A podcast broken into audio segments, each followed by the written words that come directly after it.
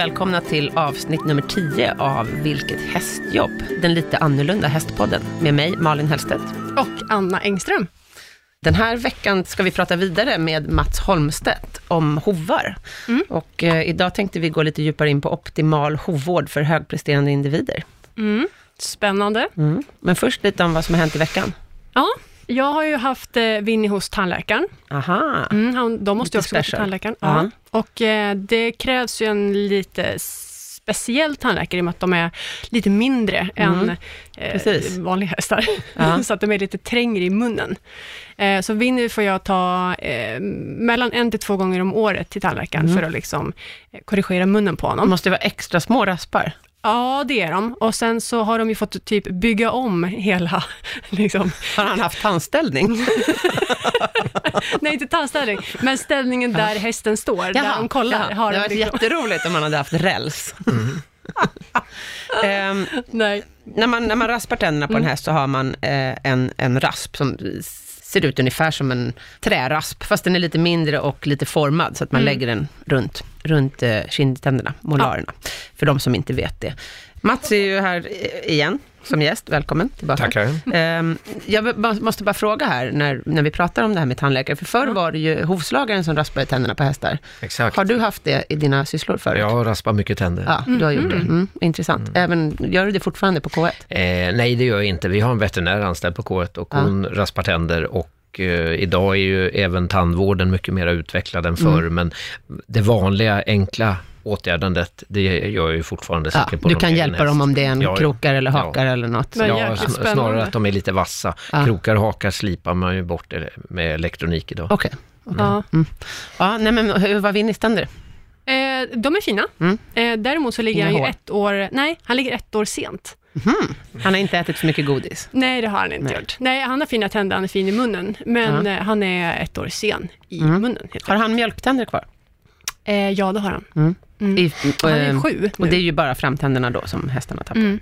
Molarerna växer hela livet, Mm. för de som inte vet. Molarerna är alltså kindtänderna Mm. eh, med tuggytorna och eh, fram i munnen sitter framtänderna som ser ut som våra framtänder Mm. ungefär, som de biter av gräs med. Och miniatyrerna kan ju ha lite problem i och med att det är ju, det är ju samma sorts tänder, fast de är mycket, mycket mindre. Mm. Man har liksom krympt rasen för fort, så Ja. att tänderna kan vara lite för stora, visst är det så? Eller? Ja, och Ja. De, alltså, i- ibland när, när eh, tänderna växer på honom, Ja. så ser han nästan ut som, liksom, alltså han svullnar ju upp i ansiktet. Han alltså, brukar se ut som Pumba i Lejonkungen. Ja, men han har tandvärk liksom. Ja. Och då är det inte så himla kul. Och det har vi också fått ta hänsyn till när du och jag tricktränar. Exakt. För att ibland kan han ju Det liksom finns inte inget som äta. heter trickträning. Kommer Nej. du ihåg att vi fick lära oss det av William? Ajabaja. Så, Ja, förlåt. ja. så ibland när vi utvecklar hans beteenden. Ja, exakt. Eh, Det var precis det jag tänkte säga.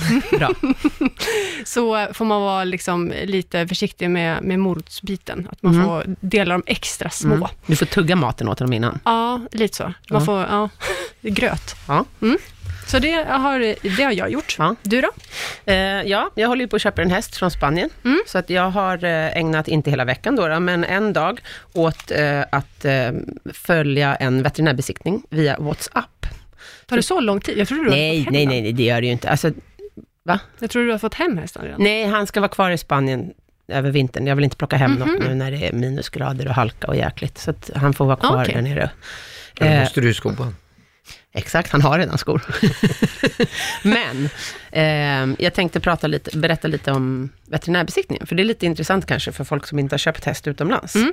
För de flesta har, som, om man nu har en egen häst, så har man kanske varit med på veterinärbesiktningen, som man gör kanske på, antingen gör man en gårdsbesiktning eller en eh, klinikbesiktning. Mm. Och här har de ju gjort en, eh, en ganska omfattande veterinärbesiktning med en eh, klinikveterinär som har kommit ut till gården med en portabel röntgen. Så att de har tagit 14 röntgenplåtar på benen, Mm. en exportröntgen. Eh, och ehm, gjort alla böjprov och allting som vi gör här i Sverige. Och sen har ehm, agenten, eller eh, hon som har förmedlat hästen, har filmat allting. Mhm. Och skickat det till mig på WhatsApp. Så jag har kunnat följa hela veterinärbesiktningen. Jaha. Nästan i realtid. Åh gud, Ja, så vad det var, smart. Ja, så det var lite häftigt. faktiskt. Då har du koll på liksom allting? Jag har full koll. Mm. Och sen får jag allting skickat och alla protokoll och så skickat till mig. Ja. Så kan jag skicka Men hon vidare. är lite, men, alltså inte mentor kanske är fel ord, men hon är liksom din högra hand där nere Ja. och har koll på hästarna du köper. Eh, ja, det är hon som har letat upp Mm. hästarna som jag tittade på. Eh, och sen valde jag ut en och sen sköter hon allt annat. Mm. Hon fixar veterinären och eh, bokar transportföretaget som ska köra hästen till Sverige sen. Mm. Och den kommer även att få stå kvar hos henne tills vidare. Okej, du använder alltså alltid samma kvinna? Nej, den här är en ny som jag har hittat nu. Mm. Eh, jag har inte köpt häst i Spanien förut. Jag har köpt i Portugal och i Frankrike. Så Mm. att då har jag andra. Mm. Men det, Ja. var, det var spännande. Mats, Ja. hur har din vecka sett ut? Eh, Min vecka har sett ut som Alla de andra flesta veckor gör. Jag har skott en massa hästar på dagarna och jobbar på travet på kvällarna. Och... Ja. Mm. Har du kört något lopp? Ja, jag körde faktiskt ett lopp här eh, förra veckan åt min bonusson som är tränare, men Mm. den hästen, det var något fel på handbromsen för den satt fast. Nej. Så att han Varför ville inte springa den? framåt. Jag försökte men jag fick inte loss den, det var okej. okay. len antagligen. Ja. Men Den var för Ja, hård. så den, Ja. den sprang inte alls? nej, han var inte på humör, så Nej, han nej. tog inte i en meter. Och Nej, men den rörde inte. sig framåt, men för långsamt. Eh, väldigt långsamt i förhållande till de andra deltagarna. Ja. Det var en, liksom, en väldigt positiv bild av det hela, tycker jag. Mm. Ja, hästen var ju väldigt fin i värmningen och en trevlig häst på de andra planen då, så att ja, säga. Men, ja, ja, söt. Ja. Men ibland går det bara, liksom bara inte. Nej. Helt enkelt. mm. Det var inte hans dag. Det där har vi också pratat om i tidigare avsnitt, att eh, även hästar har dagar. Det Och är alla inte vill inte maskiner. vinna. Mm. Helt Alla vill inte Nej. vinna och alla vill inte vinna varje dag. Nej. Mm. Så kan det vara. Mm. Mm.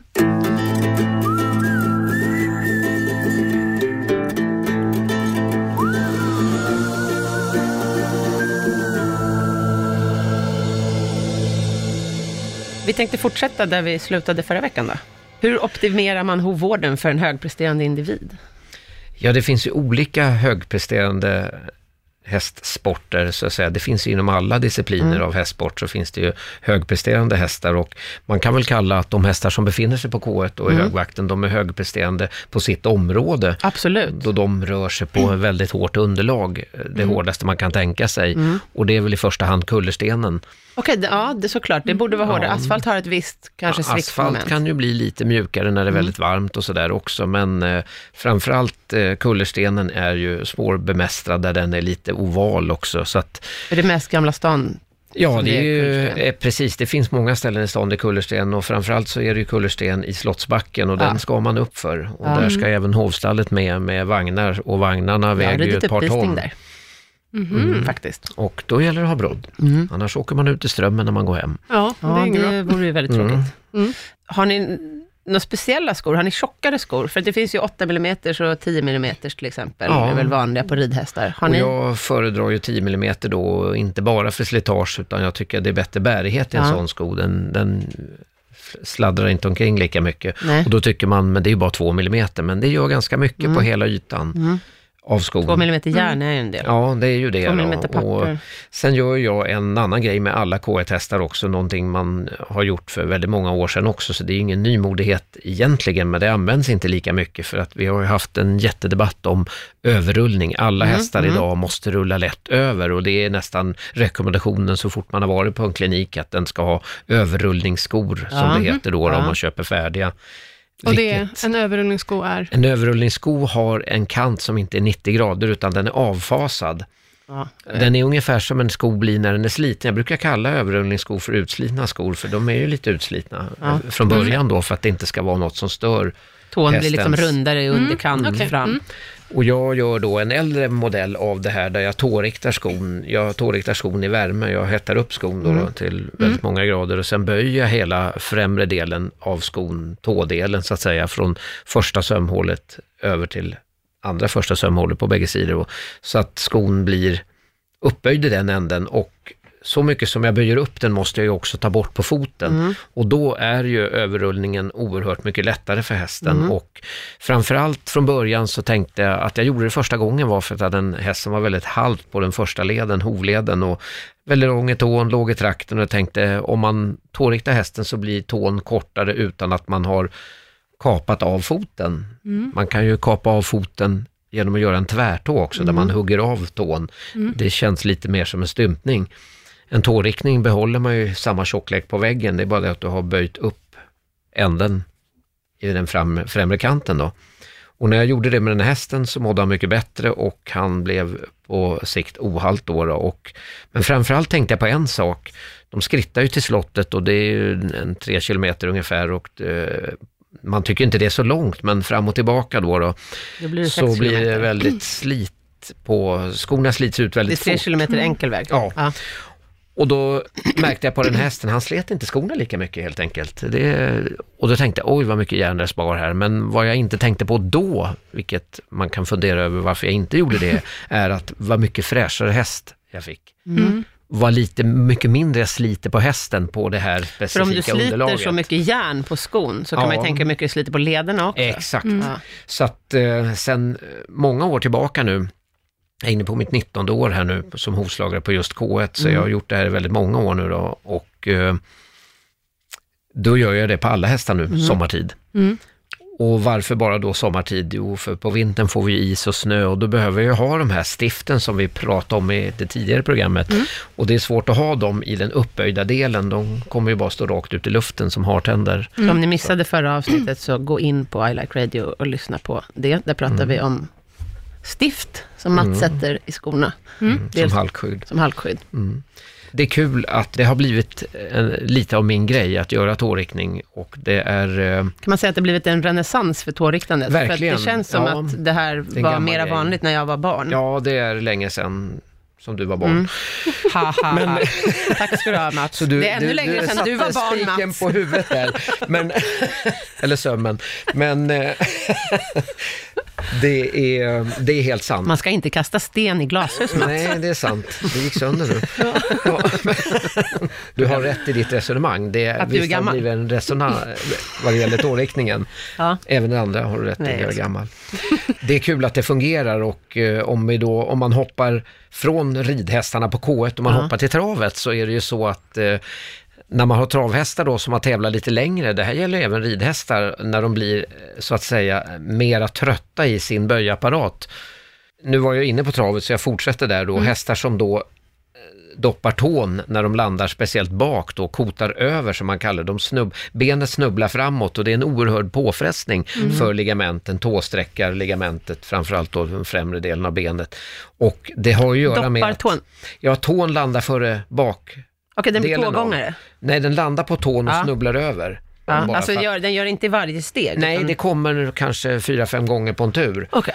Och eh, det ska ju inte hända Nej. för att bakdelen ska ju landa först och sen Ja. ska den lämna marken. Men då det då. finns, om man tittar på hästar som går, så finns det många sk- taffligt skodda hästar som blir tvågångare. Men det finns även ridhästar som gör det när de blir äldre och tröttare, speciellt dressyrhästar då, där de Mm. Ja. Mm. då så att säga uttryckligen tappar rumpan som man säger och de gör det mer och mer. Och då har jag funderat mycket över, men om jag tåriktar bak då? Mm. Så det testar jag på min Det är egen ganska travhäst. vanligt. Ja. Ja. Man har sett att de gör det. Och då, Jag tycker det är väldigt vanligt när man tittar på typ dressyrtävlingar, Ja. att de dubbeltrampar till Ja. exempel med bak. Ja. Och då gjorde jag det på en travhäst och han slutade helt upp med det för Mm. han, då kan inte tån komma före trakten i, i landningen. Nej. Och då överförde jag även detta på en dressyrhäst, en gammal dressyrhäst, han var väl en 19-20 år och han klagade, hästägaren klagade över att han hade börjat tappa rumpan så ofta, det kunde hända 8-10 gånger på ett ridpass.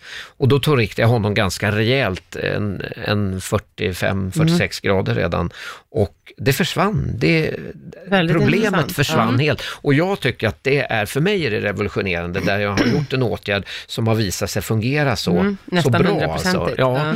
Det är samma vad det gäller tåriktning på framfötterna. Mm. Om hästen är snubblig, snubbligheten försvinner.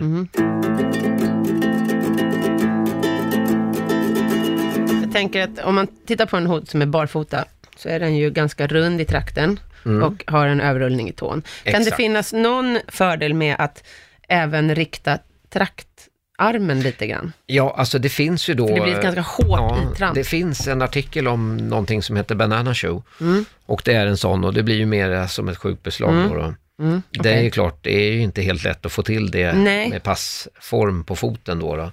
Men, men rent, rent eh, instinktivt känns det ju som att det skulle vara bekvämare egentligen. Om man Ja. tänker även på hur en gymnastiksko Mm. fungerar, så är den ju mjuk i hälen och mjuk Ja. att- Och det finns ju även bananaskor för Ja. människor som... Ja, visst. Men det är svårt att överföra mänskliga skor på hästar för att man vill ju gärna överföra då gympaskor till hästar då i form av PG-skor som var väldigt populärt förut, en plåt. Men det är väl ett som man skruvar på en gummiplatta och funkar ju fint då på travhästarna där glidet finns i travbanan men sämre på ridhästar som går på fast underlag och fungerar inte alls Det är väl egentligen ett förslag för framförallt Ja, strålbenshältar. ja, knän. Framförallt okej. knä, alltså på travhästar är det mycket Ja, knäledsproblem. på ridhästar tror jag med strålbens. Mm. Det där är ju, det, forskningen går framåt Mm. även på den biten. För PG var jättepopulärt ett tag när jag var barn, kommer jag ihåg. Ja. Mm. Och det var ju länge sedan, som vi redan har pratat om. Eh, men nu ser man det nästan aldrig. Nej, överrullningsskon har tagit över. Okej, ja. och det är väldigt få hovslagare som kan sko med PG. Ja, det krävs ett speciellt verktyg, det är inte så svårt egentligen om man Anna har kan sko med PG. Ja, det kan jag. Det var nästan bland det första jag fick lära mig när jag började jobba i travstall, var att sko PG. Så att Men det, det kommer att gå lite, men då var det ganska Du tycker inte att det är ett... det, det funkar inte alls på våra hästar. Det fanns några som tyckte vi skulle pröva det. Och, På K1? eh, Ja, det Ja, men då blir det väl inte på asfalt? Det blir nej, det, det blir tvärstopp. Ja. Det, det tar helt stopp, Så så det, det, funkar förstå. inte. Men ty, vad tycker du om beslaget i sig? Det kan på många hästar vara ett väldigt bra beslag. Men tycker du, tror du att det skulle fungera lika bra på sådana hästar med en överrullningssko? Jag tror inte att överrullningsskon kan ersätta PG-skons. eh, Det, det, det, det, det är olika mål. Mm. Men eftersom du sa Mm. att de hade lite samma... Ja, den har inte samma vad det gäller överrullningen. Det är en annan stötdämpning i PG-skon. Mm. Precis, i och med att det är gummi. Mm. Precis, Ja. och, men det är samma om man, om man gör, många hästar skor man ju med en ringsko, där man svetsar ihop bakänden Mm. på skon. Ja. Och om man då tänker sig på det vi pratade om lite tidigare, du nämnde den här Banana Show. Mm. Om man inte då, om jag gör en sån sko så fasar jag alltid av bakkanten på skon, för annars är det 90 grader kant där och det blir lite dubbelslående steg när hästen ska landa på först kanten och sen slå ner på skon. Mm. Om man fasar av där lite så får man ju en mjukare övergång då i steget när hästen landar. Men om man pratar om, nu har vi pratat om PG och överrullningsskor Mm. och bananasko och ringsko. Eh, det fin- nu har det kommit, det finns något märke som heter, heter de Öllov. Eller- Öllövskon är Ja. en renodlad gummisko. Den har väl järn, järnkärna va? Det finns en järnkärna i och när den kom så var den i princip totalt omöjlig att rikta. Okej. För den bara fjädrade tillbaka och uh, tåkappan gick heller inte att banka in för den stod rakt upp. Det spelar ingen roll vad du slog på den med. Och uh, ja, för mig är det inte optimalt någonstans. Den, det är ett tvärstopp med den skon uh, när Då hästen fick man ju landar. forma hästens sko efter, Ja, eller hästens hov. efter Ja. skon. Och Det är för sig ju många hovslagare som gör det. Ja, Det det, finns. har man ju också sett. Det finns folk till allt. Ja, det är väldigt många. Men Jag tycker att det är ganska vanligt att man sätter på en, till exempel en för liten sko och sen så filar man av foten man. efter skon. Personligen tycker jag att skon ska väl vara någon millimeter större än hoven. Så Ja, hoven helst, kan... eh, jag vill gärna fasa av kanten på skon för att få den att bli en förlängning av Ja, precis. Då, hov, och att den då. ligger hellre lite utanför hoven än tvärtom. Ja, så att hoven kan, för hoven kommer ju att växa neråt och då blir den ju bredare. Och så expanderar den ju i steget. Precis, även Ja. det. Men så du tycker inte att sådana här gummi... Jag är inte någon speciell vän av gummiskor, nej. Nej. Nej. Och de Nej, har det- nej, det utvecklat intressant den och det säger kommer att nya. ja, finns Ja. glid i den idag. Ja. Jag har väldigt svårt att tro på det. Men eh, det är... Allt, man forskar ju och man fixar och man donar och vi... Mycket saker har ju blivit bättre med forskning, men vissa saker är svåra att ändra på Mm. faktiskt. Nu när jag var i Spanien så såg jag en väldigt intressant skoning. Eh, apropå K1 hästar och det här med, med glid, eh, med halkan och det här. För där var det, eh, vi var i en bergsby som heter Ronda och då åkte vi häst och vagn på en sån här Mm. liten tur med en vacker vagn och mm, kusken berättade om staden. Och hans ha- häst hade, för det första, när man tittade på hästen från sidan så såg skorna ut som de var jättetjocka. De var ju liksom Mm. tre centimeter tjocka. eh, och jag tyckte det var väldigt intressant, så jag frågade om jag fick lyfta på hovarna, Mm. och det fick jag. Och då var, när jag lyfte på foten, så var det var en järnsko, men i mitten på skon så var det liksom en ränna som var fylld med kautschuk, sa han. Men jag antar att det var någon form av gummi. Mm. Eh, och det gick ju att byta ut, som jag förstod det. Mhm. Mm. Och den hade ju jätte, den halkade ju inte en enda gång på asfalten. Nej, det är ju jättebra, men det tog också väldigt stopp. Ja, absolut. Men den gick ju upp och ner i kullertrapp och drog en vagn. Mm. Men jag tror att det var, alltså det var ju absolut ett bättre glidmoment än en, eh, en, en sån som vi pratade om nyss, där det är en kärna av järn. Mm. Därför här var det ju inte en kärna, utan här var det ett spår av gummi. Så det var ju fortfarande ett jag. själva järnet då? Ja? Aha. så jag tänker mig att det fortfarande var ett ganska bra glidmoment, men, men att när den tryckte ner så liksom greppar det här gummit fast Ja. lite grann, för det var mycket kullerstenar. Det finns en liknande sko i Schweiz som är gjord i aluminium och den Mm. har också en eh, gummikärna i mitten Mm. som står lite högre upp än den övriga metallen. Och den pressas ju också ihop. Mm. Exakt. Då då. Och det är för deras hästar som går på deras parader. Ja. Jag tyckte det var rätt smart. Mm. Men du tycker inte att, du tror inte att det är något? Eh, jag är inte någon vän av sådana material som förorsakar det här stoppet. Nej, Som det ändå blir då. då. Mm. Även om det här kanske är en, en bättre modell än en hel gummisko. När vi pratade om eh, PG-beslagen här, så nämnde du att du kan sko med PG-beslag, Anna. Mm. Du skor alltså? Är du hovslagare? Nej, jag är inte hovslagare. Nej. Men däremot så fick vi ju, för att vi skulle kunna jobba som hästskötare, Ja. så var man ju tvungen att kunna eh, slå på en sko själv. ja. Så när jag började från början i tävlingsstallarna så vart jag liksom skolad av deras hovslagare. Eh, dock var det ju brist på tid eh, för hovslagarna, för de, eh, när man hade barfota hästar då, som tävlade barfota, så var du tvungen till att kunna slå på skon efter, efter tävling. Okej, så Eh. man drar av skorna till loppet och sen slår man på dem efter loppet. Ja, Och då gjorde du det. ja. Så att alla travskötare kan i princip Jag skulle nog säga att majoriteten, lättare, hov, lättare hovslageri. absolut. Det är väldigt häftigt, för att eh, jag kommer ju från ridestiden, nu kan ju inte jag tala för alla, men jag har väldigt svårt att tro att häst, alla hästskötare i tävlingsstall på ridsidan kan sko. Jag har aldrig talas om Det det. beror alldeles på vilken nivå man talar om. Jag menar, Självklart, elitnivå, de är otroligt mångsidiga, deras Mm. hästskötare. De kör lastbilen, den största långtradaren och de byter skor. De gör i princip Mm. allt och de sköter om lilla ryttaren också med alla deras behov. Men många ridhästmänniskor kan ju, de, vet, de tittar ju inte ens nedanför knäna så att säga, hästen. Nej, det kan också vara en sanning. Ja, Ja. Alltså utan att vara sån, men, men, men folk lämnar, det är som att, det, det där med hovar är lite sådär, oj, oj, oj, nej, det är det bästa att jag inte rör dem överhuvudtaget, utan det får proffset göra. Medan på travsidan verkar det som att, nej men det ska alla kunna. Man känns lite rädd för att göra fel, exakt, tror jag. Exakt. Det går inte att göra så himla mycket, alltså, mycket fel av att bara lyfta på horn och kratsa den, eller byta brodd. Alltså, det är väldigt svårt Alltså, det- ens att raspa den Ja. om man är försiktig. Om man inte sätter liksom en Det jag inte gör, jag verkar inte. Nej. För det tycker jag är lite obehagligt, för det vet jag inte riktigt. Det har jag aldrig lärt mig. Nej. Eh, det tycker jag är lite läskigt att liksom ta av, eh, för att jag är orolig för hur mycket jag ska ta av. Eh, så det är nog det, det är faktiskt det enda jag inte gör. okej. Men jag sen- verkar ju, men jag skulle ju aldrig våga slå i en sko. Kommer det blod har du tagit för mycket. Ja, jo. Ja, Ja. jag ja då lever den i alla Ja, det gjorde jag en gång. Det gjorde jag en gång i början när jag, när jag verkade mina häst, höll på och verkade mina hästar, så råkade jag skära lite för djupt och jag vart, ju- fick ju panik. Och jag ringde min hovslagare som är väldigt, väldigt cool. Och han sa bara, han bara, ja, du vet att du inte har tagit för lite i alla fall. Nej. Så gick jag ut och gick med honom i snön och då slutade det med en gång. Och sen, han hade aldrig några problem. Så att naturligtvis ska man vara försiktig, men, Men jag är lite grann som att klippa klorna på min hund. Det är Ja. samma sak där. men det är inte som när man var barn, när man fick liksom, akta, akta, peta inte i strålen, det gör ont på hästen. Nej, nej, precis. Riktigt så är det ju Det inte. gör det inte. Travhästar där som går barfota i löp numera, det är ju så, precis som Anna säger. Men numera, är det en ny trend? Eh, Ja, den har ju funnits några år nu, det har det gjort. Ja. Men hästen visar ju tendenser till att springa betydligt fortare barfota än vad den gör med beslag. I väldigt många fall. Nu har vi ju inte någon direkt eh, procentuell forskning på hur många som galopperar bort sig på grund av att man tar bort skorna. För skons vikt är ju en form av balans också. som Men det är alltså hästen- generellt, för de som inte kan trav, så är det alltså mer vanligt att man plockar av Ja, skorna till idag löp är, det, idag är det det på sommartid. nästan alla hästar. Nu, har vi, nu får man inte göra det. Nu finns det ett skotvång här på vintertiden under de här månaderna Okej. som, eh, som man har tagit beslut från banveterinär och måldomarnämnd att det ska vara lika på alla banor. Okej, så att man måste ha skor under Ja, därför vinterhalvåret. att det är för Och mycket. även på tvååringar. Och även på tvååringar. Och även tvååringar har alltid skor. Ja. Men just det att man, hästskötaren, som Anna sa, måste klara av de här bitarna för den ska tas av skorna och man värmer med skorna när man värmer upp hästen. Man tar bara av skorna för det specifika löptillfället för man är ju intresserad av om hästen då är många gånger bättre barfota, då är man ju väldigt rädd om mängden hov som man har.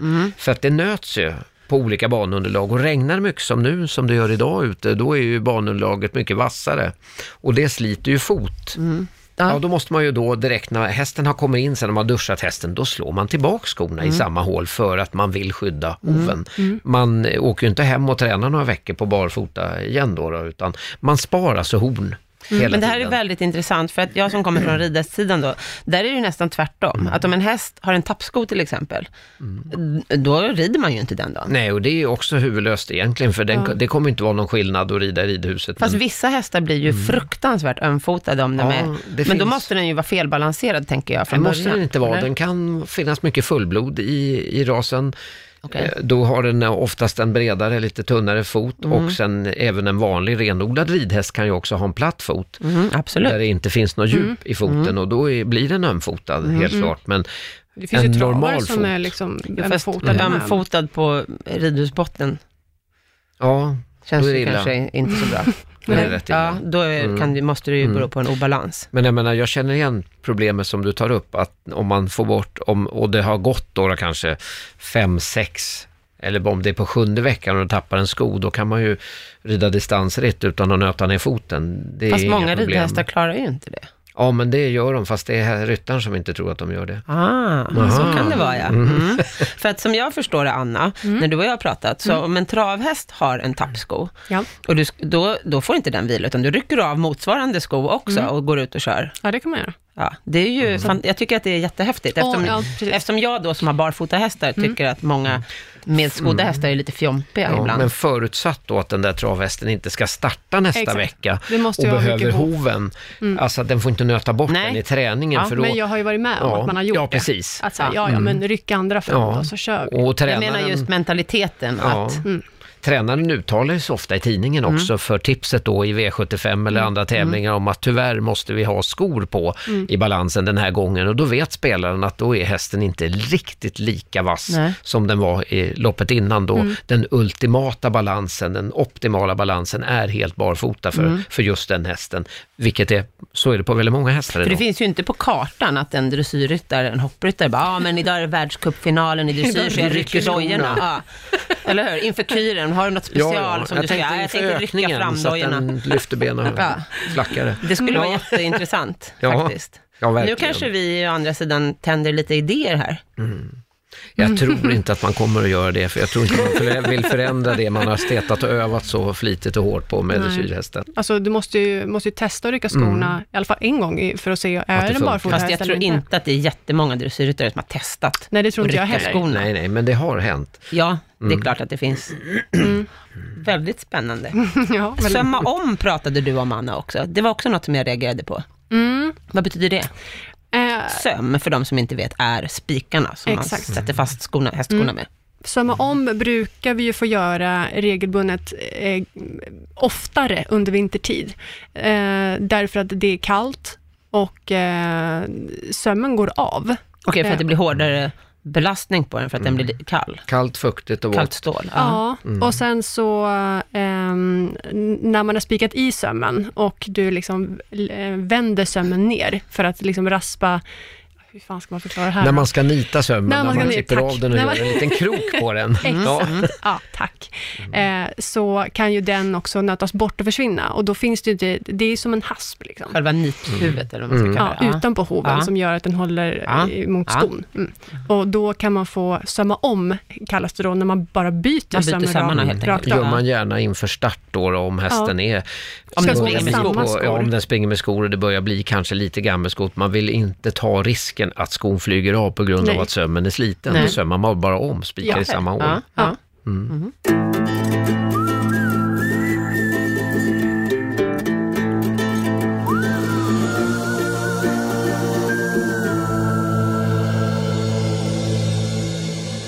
Jag tänkte att vi kunde prata också lite grann om, eh, lite tips till lyssnarna om, om daglig vård av hovarna, för att optimera.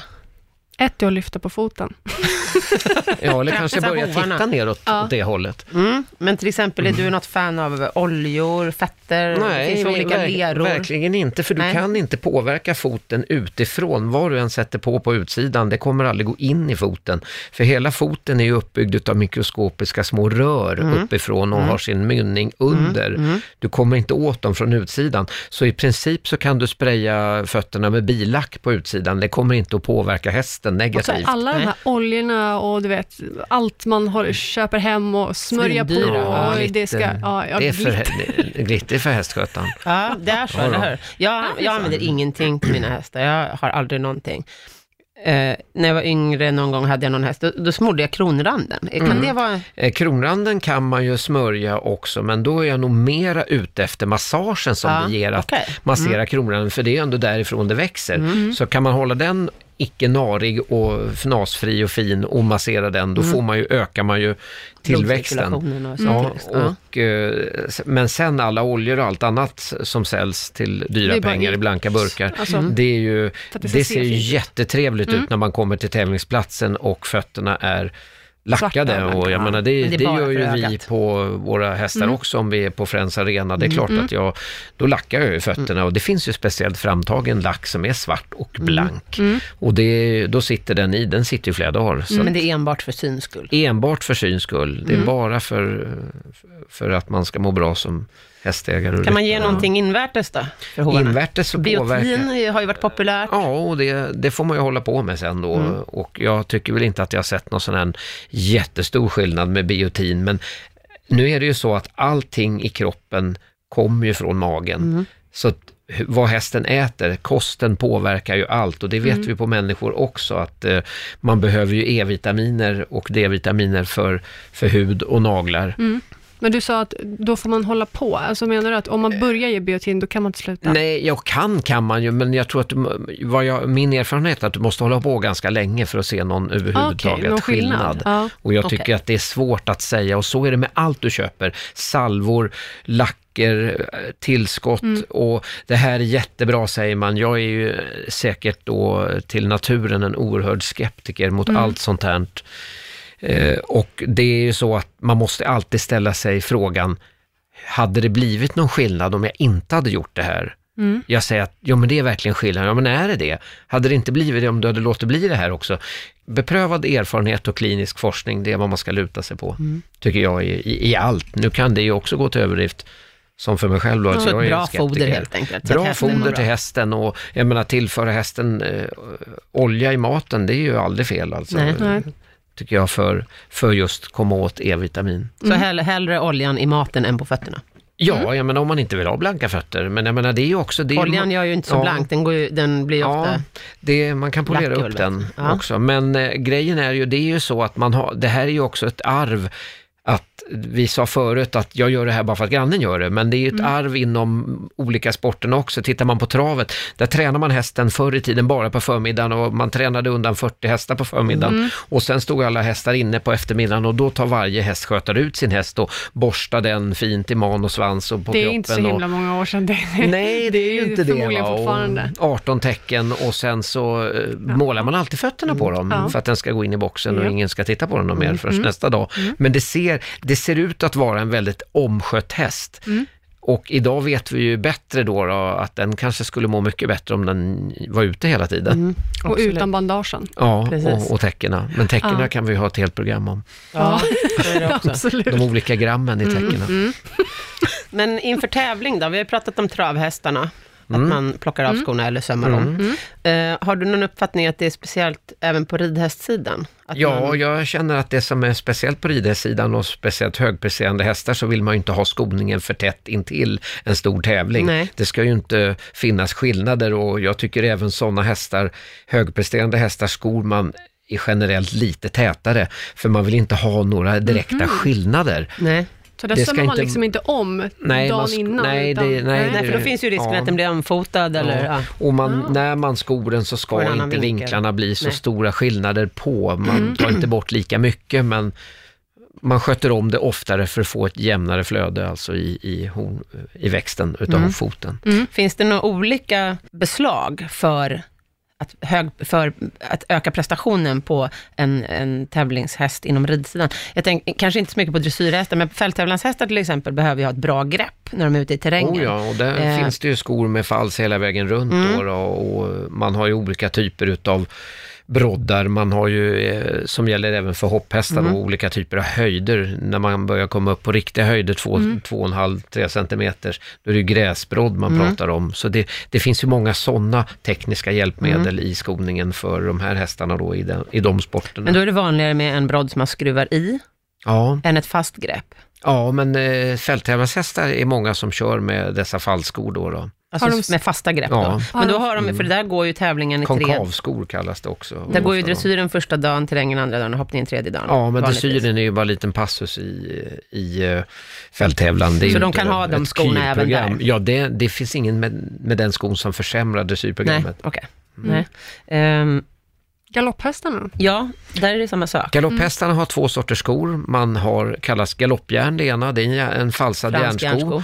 Och eh, de har en aluminiumsko. Vad som är väldigt lik, lika på de här skorna idag, vilket inte var förr, det är att det, skon kallas också, har ett namn, det heter autorimsko. Och det är att ytterkanten är lite högre än innerkanten, Mm. vilket då får man alltså ett hundraprocentigt fastare grepp. Okej. Jag har Jag för mig att traktgreppet är åt ena hållet på ena sidan. Och Ja, men det är när man har gammeldags vinterskor, alltså Okej. att man har grepp och klack då. då. Mm. På skon, då, man, då kan man ha ett stålgrepp nedfäst i tån och en klackar i bakänden då. då. Men autorimskon gör det möjligt att man inte behöver, den är förstärkt med ett stålgrepp som håller samma höjd som ytterkanten, men det blir inte lika brutalt stopp med som dåtidens aluminiumskor för galopphästar. Det var ju höga stålgrepp i tån och det precis. sliter ju väldigt hårt på hästen alltså. Ja, okej. Gör det. Ja. Och man, kan, de, man skor ju inte om dem så ofta heller. Man byter inte tillbaks på järnskor om man har en startande häst. Den startar ju i alla fall en gång i veckan eller varannan vecka. Då får du ju nöta ut de här skorna för man spikar ju sönder Mm. väggen på dem. De är ju lite tunnare i väggarna, galopphästarna. Ja. De har ju eh, också en helt annan, ett helt annat underlag att springa på. De här Ja. aluminiumskorna som de har, skulle de hålla för en travbana till exempel? Ja, oh ja, Ja. det gör den. Även om den slits mer på en travbana. För en travbana är ju betydligt hårdare Mm. Ja, det är och ett den. grövre Fastare. grus, fastare Mm. för att vagnen ska kunna Ja. rulla. Medan en galoppbana är väldigt, väldigt mjuk sand. Ja, de går på dirt track dirt tracken som de heter, eller på gräsbanan. Mm. Mm. Mm. Har Bro Park, har de, har de bägge delarna? Har de, De har båda? bägge delarna. Ja, okej. hade de Mm. Täby också. Och båda är tävlingsbara. Ja, Ja, det är, jag vet inte hur det är just nu. Just nu är det väl ingenting tävlingsbart för man glömde bort några tillstånd där tror jag med saltning. Och det är ett stort problem för alla galopptränare. Fryser det? Ja, då fryser banan ihop. Det går För att när jag jobbade på Täby galopp, då harvades den en gång i timmen, Ja, men de dygnet hade, de runt hade på salt i vintern. den på vintern. Man har Ja. alltid salt i, ja. Ja, Mm. exakt. Men den Men man, alltså, det är något med tillstånd att salta. okej, så Jaha. de, ja. Nåja, det var en parentes. Ja. Parentes, ja. Men på galopphästar så sker det ju inte heller att man rycker av skorna till Nej, det gör man inte. Alltså, de är tunnare i fötterna. Ja. Det är väl, jag tror någon har säkert prövat att tävla barfota. Vad beror det på? Är det, du ba, är det enbart inte- avel? Du får inte samma grepp. Nej. Nej. först då, eh, som, en, med, som en travhäst får ett bättre grepp barfota än, än med en sko alltså. Men en galopphäst får ju inte det, mest För att den har plattare på fötter? ja, att det är mjukare underlag. Mm. Ja, gräver ja, sig ja. ner djupare. Ja, det är sant Ja. ja. Mm. Men ehm, måste ju slita otroligt mycket mer på dem om man skulle rycka skorna. Ja, Nej, alltså, jag tror inte de men får sanden samma är grepp. mycket mjukare, så Ja, det tror jag Men jag inte. tror inte de får samma grepp och de, det sliter mer när du inte får grepp. Ja, men Då precis. får de mjölksyra mycket tidigare alltså. Ja. En häst blir ju, Ja, har men väldigt jag tror inte det jobbigt sliter mer inte på fäster. hornet.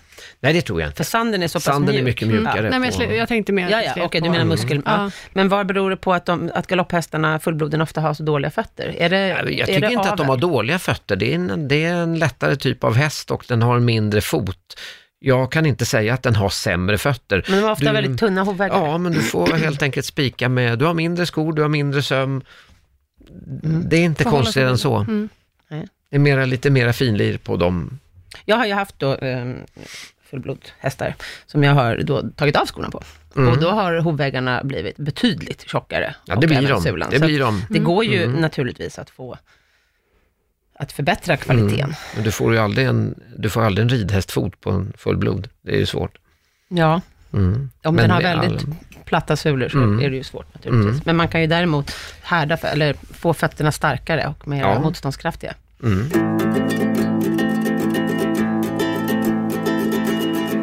Vi har ett lite udda tips den här veckan. Något Eh, som alla borde ha hemma. Exakt. Och vad är det, Mats? Det är något som alla har hemma, tror jag. Ja. Silvertejp. Ja. Ett överlägset redskap. Mm. Ja, det är som IKEA-säckar. Ska finnas i varje hästägares... Ja, och jag menar, trampa hästen av sig skon och hästen kanske är en häst med en platt fot och blir väldigt ömfotad, ja, då kan man lägga lite bomull och dra runt med silvertejp så man klarar sig tills hovslagaren har tid att komma eller man åker till hovslagaren. Mm. Samma om hästen har skadat foten och skon sticker ut lite Mm. grann på ett ställe och man kan inte få in skon just i det tillfället, ja då är det bara att dra några varv med silvertejp runt och då klarar man det där Helt Så magiskt. att den med att den inte... trampar av sig skon. Eller, eller skadar sig på den utstickande delen. Jag gjorde också en gång, eh, när jag hade en häst som hade tappat en sko och hade dåliga hovar, eh, då tog jag en liten hink. Eh, en liten, eh, det hade väl varit så här, typ hästgodis i den, mm. kan den ha varit. Det var en häst med väldigt stora fötter, ett halvblod. Så jag letade länge och väl innan jag hittade en hink som hade samma dimension som foten. Och sen klippte jag neråt, så att det blev som lameller. Mm. Ja, det finns Och sen satte jag hinken, jaha okej, ja, det här hittade jag på själv, det här är f- 20 år sedan. Sen satte jag hinken på foten och så vek jag de här lamellerna runt hovväggen. Funkar. Och sen tejpade jag med silvertejp runt hela. Precis. För att silvertejpen nöts ju ner när de går på den, framförallt om det är grus. Och Ja. då tänkte jag om jag förstärker upp Ja, med en liten varv. hink. Ja, ja, precis. Man får ta flera varv. ja. Ja. Den går ju att använda till mycket. Mm. Så att silver, man kan även laga tecken. Mm. Folk som babblar mycket, Ja, ja. ja. så, som det, tidigare. som hovslagare, precis. En remsa över munnen på hästägaren, Ja. överlägset. Bra. Eller Skönt silvertejp att ta över bort, munnen på hovslaget. Eller hur? Ryck fort. Ja. Nästa veckas program, Anna, då tänkte vi börja prata om lite udda hästsporter. Ja, Ja, det ska ju bli riktigt roligt. exakt. För det finns hopp- massor. Ja, hoppning, dressyr, fälttävlan, det pratas det ju ganska mycket om. Men Mm. vi tänkte i några avsnitt ta upp lite mera annorlunda grenar, som till exempel polo, Mm. eller voltige. Yes. Och nästa vecka tänkte vi börja med monté, som har dykt upp flera gånger i programmen redan. Mm. Det Och är du har ju återkommande. ja, Mm. och du har ju hållit på med monté. Ja, jag rider monté. Och monté, för de som inte vet, det är alltså travlopp, fast kusken sitter på ryggen. Ja, eller står upp. Ja, Ja. står på ryggen. Så ingen, ingen sulky. Nej. Utan man har istället som en eh, kapplöpningssadel, en väldigt liten lätt sadel. Mm. Väldigt spännande ska det bli. Jag kan Ja. inte mycket om det här. Nej, blir ja, jag kan en del. Ja. Mm. Tack så mycket för idag Mats, det var roligt att ha dig här den här veckan också. Tack själva. Vi har ju även en Facebook-sida och en Instagram som heter Vilket hästjobb. Följ oss gärna där. Och ni som vill tipsa oss om gäster eller programpunkter eller bara vill skriva hur fruktansvärt bra vi är. Mm. Eller kom, ja precis. Eller komma med förslag av allt möjligt. kan mejla oss på vilkethastjobb.gmail.com. Glöm inte dela podden, vi vill Nej. ha fler lyssnare. Mm, gör det. Mm. Gå in på vår Facebook-sida och dela den gärna, så fler hittar oss, tycker jag. Vore Absolut. trevligt? Rekommendera oss till släkt och vänner. Ja, så att vi blir en liten hästfamilj som Eller en väldigt lyssnar. stor hästfamilj, Ja, helst. som, som lyssnar varje vecka. Det vore jättetrevligt. Yes. Tack och hej. Hej då!